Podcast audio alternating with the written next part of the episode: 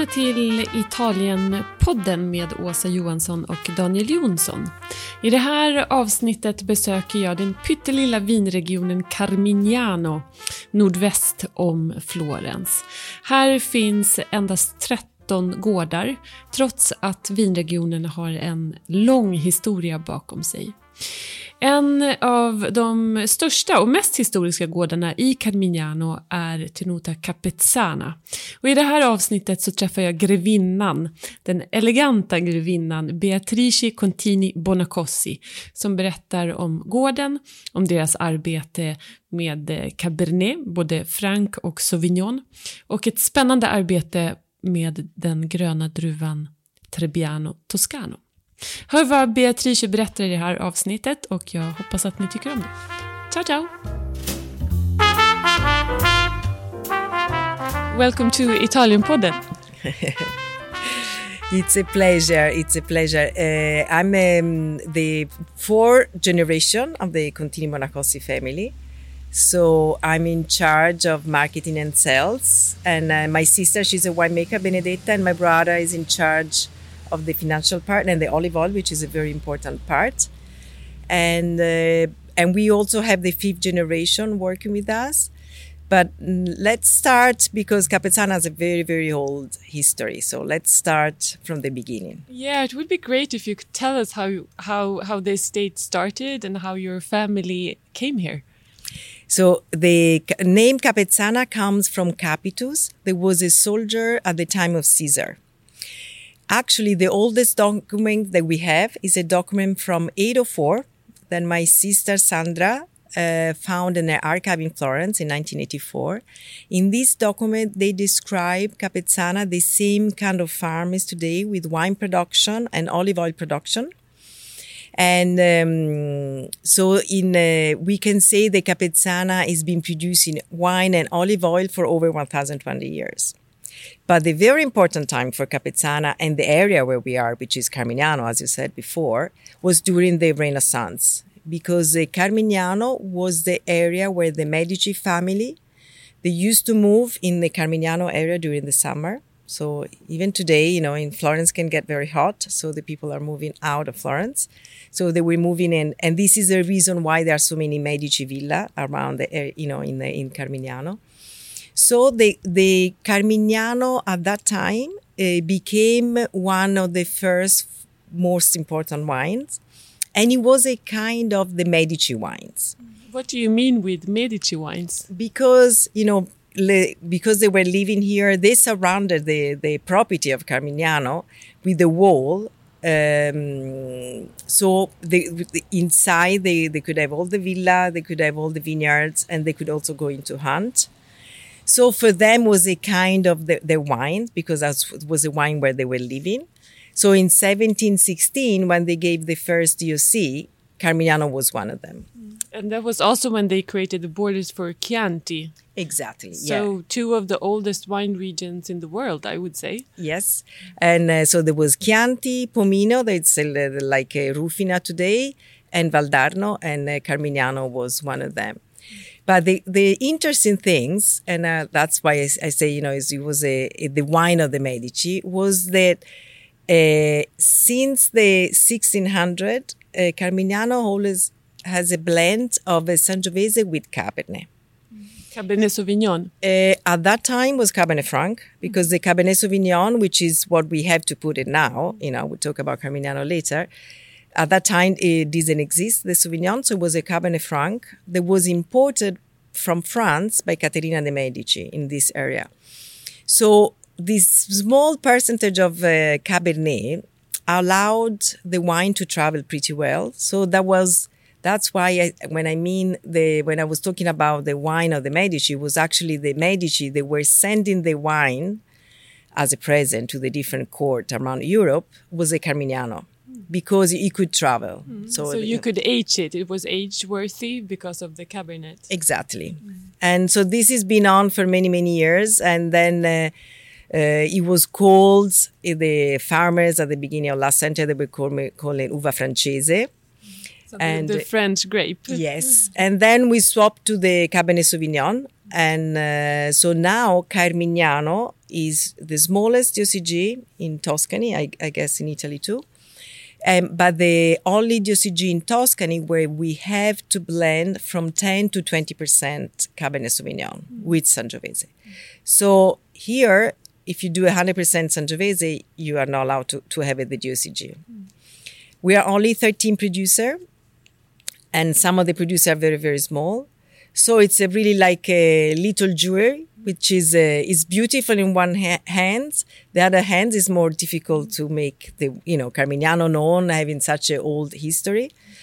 And um, but it's quite interesting to see that you know the the level of quality for all the 13 producer is pretty high, and um, so uh, Capezzana is definitely the biggest producer. Uh, we produce probably around uh, 70% of uh, Barco Reale. Barco Reale is a kind of uh, Rosso di Carmignano.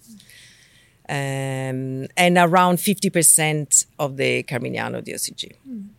And uh, how, how did your uh, family come here? So my family, actually, they were my great grandparents, Alessandro and Vittoria Contini Bonacossi, um, which were like art collectors and art dealers. And uh, they lived in Spain. Actually, my grandfather was born in Spain, in Barcelona. And when they moved back to Italy, um, they wanted to find a kind of French chateau. They wanted to find a, a place where a wine could age well so when they got to Capezzana, uh, she was really the wine person, Vittoria. She was very small. It was very, very tall. there was like half meter between the two of them. It was a very funny couple. And she fell in love with Capezzana and she decided to, to buy it. And um, so that was 1922. And they start being art collectors. They start to collect bottles of wine. So we are very lucky to have vintage back to 1925. Mm. So every year, my great grandparents kept few bottles for our private reserve, and then my f- grandfather, and then my father, and we still do. So this is the reason why we, you know, we, we are allowed to do uh, offer like a vertical tasting to the press once in a while. Mm-hmm. And uh, we were lucky also because during the Second War, when Capezzana became a, a headquarters for the German, was occupied by the Germans, they knew that could happen. So they hired, they actually hired all the older vintage into a farmhouse cellar, mm. and they plastered one part of the cellar, which was uh, where the 41 was there. So they were able to go back in business after the, you know, when they right. the German left uh, like three months later. Mm. So, uh, because as you know, you know, in many parts in France and in, in, in Italy too, you know, some of the producers they completely lost their older vintage yeah. during the. Yeah, there was um, an interesting vertical tasting last year when we tried wines from the 1930s that were just incredible. It's really amazing to be able to go back because it's very um, unusual in Tuscany to have those old vintages and of that quality too. So that was a great experience. And uh, what is your first memory from Capezzana? But we used to come to Capezzana every summer, and uh, I remember that the villa was just forbidden by the for the children, so we were not allowed to get into the villa. because how many children were I mean, you? We were we were seven. I'm number six out of seven and then there were, you know, of course, my great grandparents were still uh, alive. So the all the and my uh, father's uh, sisters and brother. So the adults were staying in the villa. We were staying in the other part, which which now we have the new, you know, the bed and breakfast. And uh, and I remember that I always had a fantastic memory because we were a, a big group of uh, probably 20 cousins running around and going to. I remember that we were doing. Um, nascondino. I don't remember. Like seek and hide. Yeah, in the, into a, a, place where there was all the cartons, mm. the cases. Probably we were we were we were we probably ruined many of them, but we were not. And the emotional things was just to go inside the cellar. So it was just oh my god, you know that was something very very because our cellars are pretty old. I mean the oldest part, which is under the villa, is from the 1500 uh, and the other part is from the 1800 so it's a we don't have any new sailor, but we we are quite pleased with this uh, you know beautiful uh, cellar under the, the villa. Yeah, so Capezzana was a freedom for you because uh, I, oh, I, suppose there was a quite strict education otherwise yeah. for you. Or? I mean, I definitely think my oldest brother had a very strict education. I think with myself, number six, and my youngest brother, number seven, my parents were right. okay, we had much more freedom. Let's say like that. My sister, I remember the one that found Sandra, that she found the document. She said that she couldn't really go out in the evening until she was 21 because at that time you were going to get, you know, now is 18 the year left, but at that time was 21. But me and my brother, we were. So she said, "You don't have a road in front of you. You have actually a motorway in front of you." a little bit jealous, I suppose. jealous. but and when was it obvious for you to join the family business? Uh, not really. You know, I always liked traveling, and uh, I actually went to uh, to London for ten months to because I studied French at school, and then I decided to go to London to learn English and in the summer, I came here, and uh, my parents were in the States for work. And uh, my brother Vittorio, which is number three, he, he was here alone and uh, he, he, only spoke French. So he had a couple of visitors from, uh, from the States and another couple from the UK in, in the same week. So he was asking me, you know, could you please and translate? So I did it one day and then I did it the other day. And then, you know, I, I, thought I was going back, you know, after the August vacation, I was going back to London. And then when my father came back from the States, he, he said, you know, why don't we ask her to to come to work with us? I think she's uh, she has a good uh, attitude with gay with people and everything. So when uh, my father asked me, he said, you know, you you just try, you try a few months as long as you want, and then uh, this is a job that or you fall in love, or if you don't fall in love, you just go back to London. Mm. So I remember we drove back to London to get all my stuff, and um, and that was 36 years ago. So, oh. so I guess you fell in love with this world. and what has, if you compare or, or if you could tell us how the wine production was at the time and what um, has you and your sister and brother, what have you changed? Because Tuscany has gone through um, kind of a wine revolution from the sharecropping system that ended and from this quantity thinking to quality. But that happened kind of in the 80s. So mm -hmm. very often it's easy to forget how young Italy is and how young Tuscany is as a quality minded um, wine region. Uh, how was the situ situation of Capezzana I mean, in all of this? Uh, my father was the one that went from the sharing crop to the um, modern uh, winery. Was that and, difficult? Uh, was difficult, of course, because you know it was a completely. But um, it was. I think he managed it pretty well because all our farmers they became workers so the, you know there was now something completely different. So he tried not to lose, you know, to to keep these people uh, working for us. Because uh, just to explain to our listeners, the sharecropping system meant that there were farmers uh, that worked, they could grow the land and live in houses, but they gave 50% exactly. to the land owner. Yeah. And yeah. this ended after the Second World War. Yes. Mm. Yes, in the, in the 50s. Mm. Yeah. It was a big transformation. It was a, a huge transformation.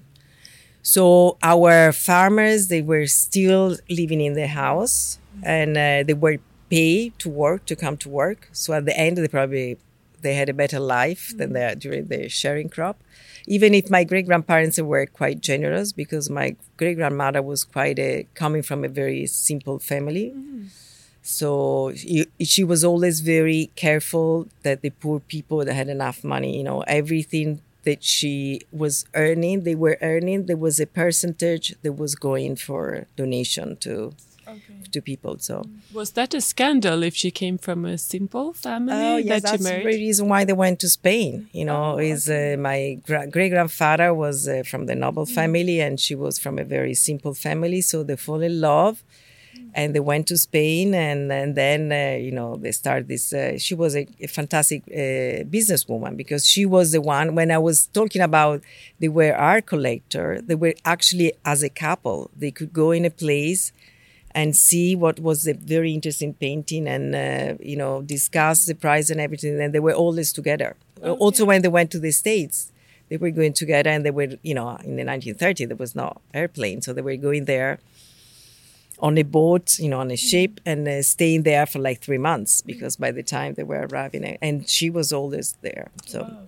Oh, she was the natural a talent. Natural, yeah, businesswoman. That's yeah. probably the reason why we are so many women in the Capezzana. You know, mm. myself, mm. my sister Benedetta, my niece Serena, and. Uh, oh, that's interesting. That's a great story. Could be a movie. Could be a movie. So the transformation was your father took care of that transformation from the sharecropping system to a more modern business model. Exactly. And then my brother Vittorio, he started to work pretty uh, young, I think in the 70s, he started to work. And the two of them always really believe in quality. So what also was, I think he was showing pretty well last year at the tasting, was just that even in the 60s and in the 70s, where many producers were actually making very, you know, as you said, they didn't look for quant- quality, but they were looking for quantity. In Capezzana, we never really went to that way. You know, it was always was very important to make good wine and uh, the quality was more important than anything else. You know, my father, together with the Veronelli, they create this uh, Vide, was a Viticultori Italiani d'Eccellenza, was like a kind of a, an association that for only producer they had their own vineyards, which at that time was pretty mm. uh, unusual. I mean, there were a lot of uh, wine merchant. So, you know, was uh, we just when the, the quality started to be more important than the quantity, that we were we, we, we haven't really changed because that was before. And my father remember because I started in the 80s and I remember they was like, oh, maybe I was wrong. You know, when they asked me to do the Galestro, I said, no, it's not a kind of wine for us. And then when there was a big fashion, I don't know, I don't if you remember about the Novello, you know, Novello, the heavy yes, producer in Tuscany, they started to make a, mm. Like a nouveau wine. But yes. you know, there was a Novello for, and he was like, I don't think Sangiovese is really good for make a, a Novello, so we never do it. So we we didn't really follow the fashion. Mm. So and we're just trying to make wine. Of course, our challenge is like uh, try to increase mm. our quality every year, trying to invest, you know, all uh, the money we invest in the vineyards, in um, new things in the fermentation room because, as I said, you know, everything is uh, is pretty old, but so we not, but we like to have a nice uh, new technique inside. And uh, I think each of us has uh, give a lot to the um, in a different reason. Um, for example. Uh, uh, Vittorio, he, you know, he was working in a, in a vineyards, and uh, but he was also had a great palate. So together with Benedetta, they were actually um, doing the winemaking. And Benedetta, she started. She's been doing the winemaking since '98, so it's a few years now. Yeah. Uh, she must have been one of the first uh, female winemakers because oh, it was yes. so uncommon until just some years yeah. ago. Yeah, but you know, I I must say now the the wine business is really like it's not half and half. It's still more men, but there is really a lot of women, yeah. and actually the women are really well, you know, they're really good in uh, what they do, and is. Uh, I think there is a recognition now of yes. the the women. But I remember when I started to work, was really like you know, I will never forget uh, when in London that they invite my father to one of these club, which were actually only for men, to present the winery and my father said, "No, I'm not coming. My daughter is coming." And so this the president, you know, called him and said, "You know, Count Ugo, it's really like we're going to be old men, and uh, you really should uh, get the um, the um, you know you should you should you should come. You mm. should be here." And uh, and he, and he said, "No, you know, if you want somebody from the winery." So I, I I would never forget. He was like I was working for like probably six months that I, I got to this place and I had these uh, 20 people, 20 at that time, I thought it was old people were probably my age today, and I was entertaining everybody. And then at the end, he called my father, said, "Oh my God, she really did a good job." So, but you know, it, that was quite common to be sure. in a table. The salespeople they were mostly all, even the journalists, mm. they were mostly mm. men. So. Mm.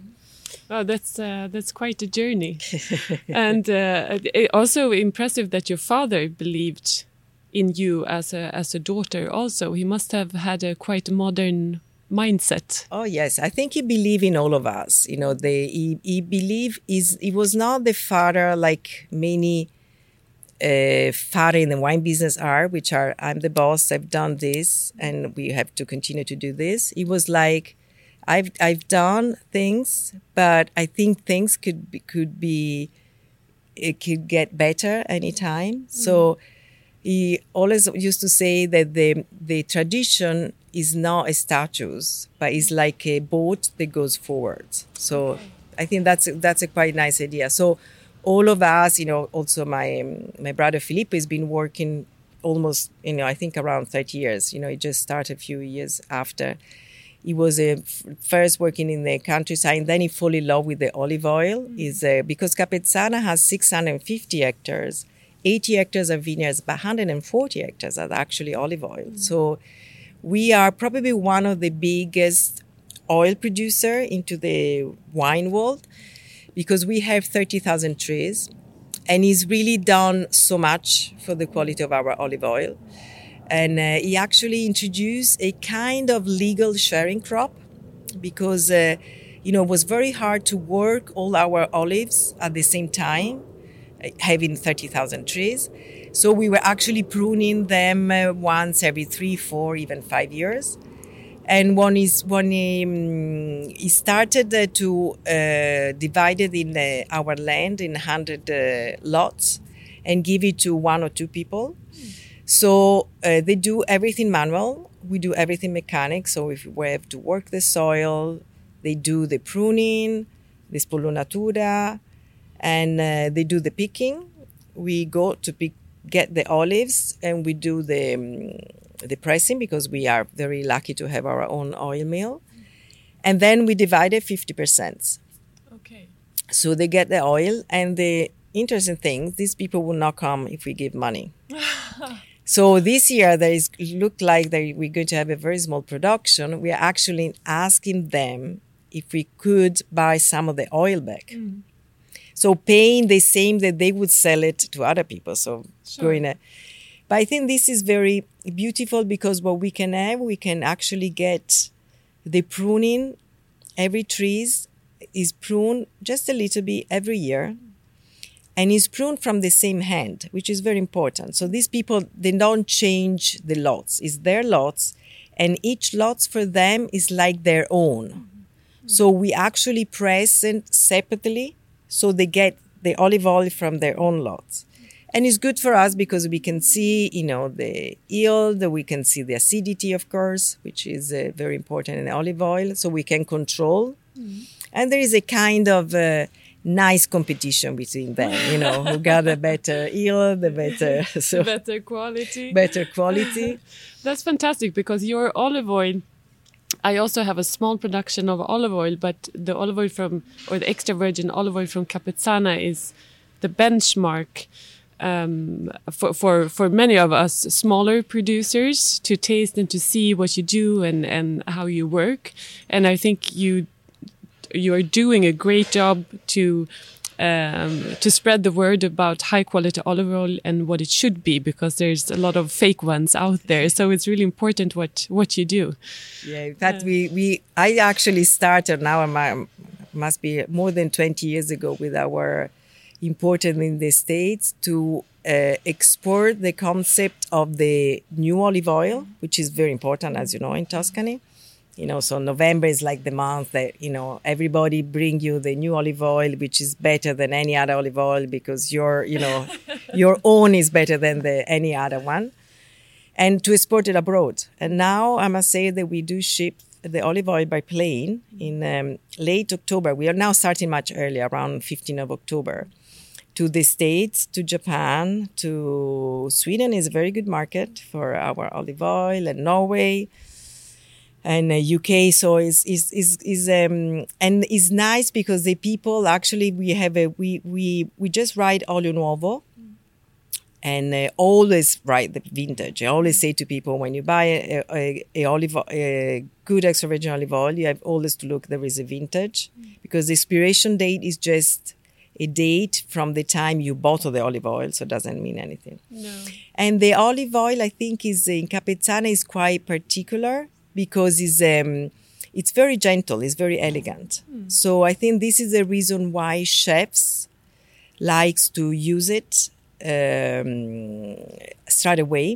So you know, our olive oil when it goes to the to the states, is actually goes um, um, to restaurants mostly Okay.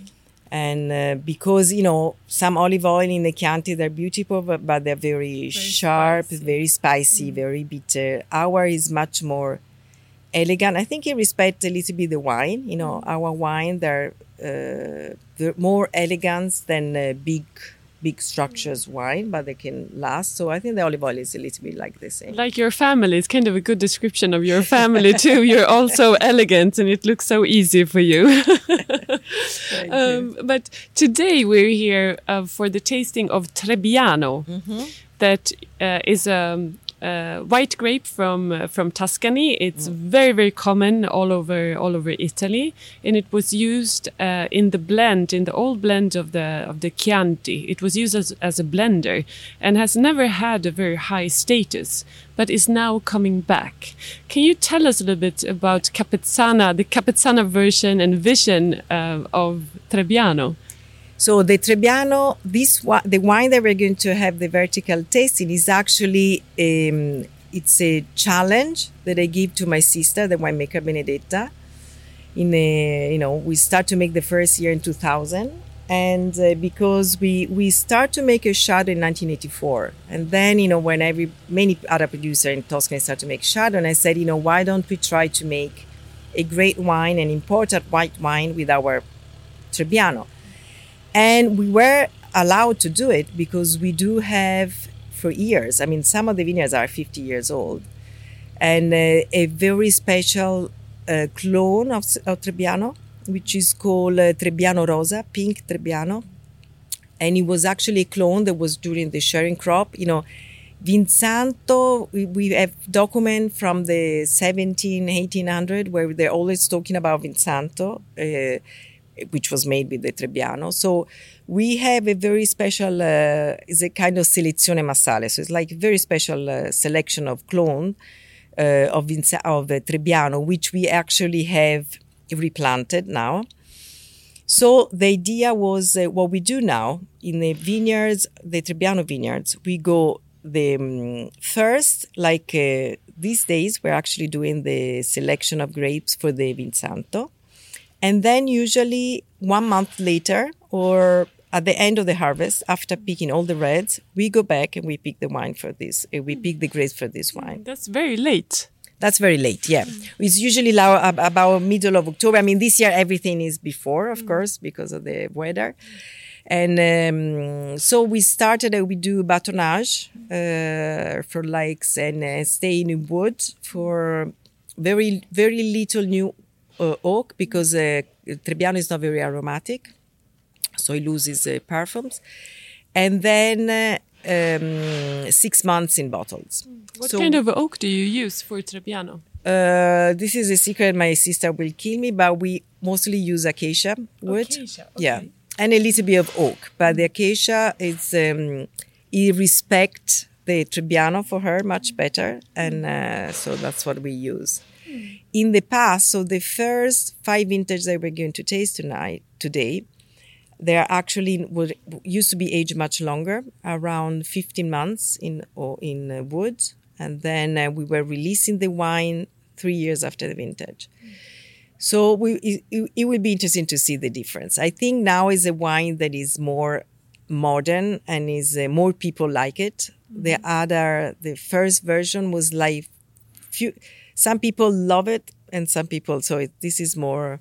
Okay. I think a compromise. I I f- personally found that the old one was too much oaky, Okay. And uh, I never like when you taste the wood. I mean, the wood I think should be part of the wine, but you should never taste it as a first impression. So I think now it's much more balanced. And again, you know, for us, you know, balance and elegance is the most important the thing. leading words. um, that's interesting because Trebbiano is coming back, and um, Mm-hmm. l- the big, some wineries in um, big wineries in Chianti Classico also are replanting and putting a lot of effort in making it the the white wine from. Uh, from the inland of, of Tuscany, the coast has Vermentino, and Mm-hmm. they think that Trebbiano will be uh, like the Chardonnay of, of, of Bourgogne, and we have uh, Sangiovese and uh, and Trebbiano. We, it will be interesting to follow this this evolution, and as always, you are beyond because you always started much earlier than than everyone else.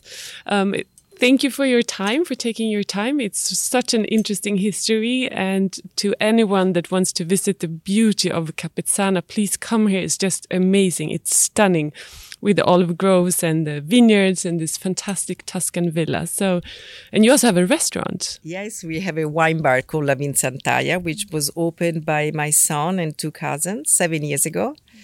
So is a is a was a they wanted to find and give a make a place for young people to um, uh, for for young people to get near the the wine. And uh, then my daughter uh, worked here too, and now it's Serena, my niece. She's in charge of the hospitality, so she's in charge of the wine bar, of the new uh, bed and breakfast, the cooking school we have, and uh, of course wine tours and um, and then of course and and a brother, as I said before, Gaddo is in charge of the vineyard. So it's it's now five of the family and many other people. So and we've been doing, which I I, didn't say something, which probably the most important things, is that we've been doing organic since 2008 Also very- also very early. very early and uh, certified all in 2015. So uh, what we we are investing in people because of course when you do um, a treatment which is organic, if it rains you have to do it again. So we are, we invest more in people and to respect the land, the land for uh, for us, for our customer, for our children. So we are very we're, we're very very pleased. Oh, thank you very much.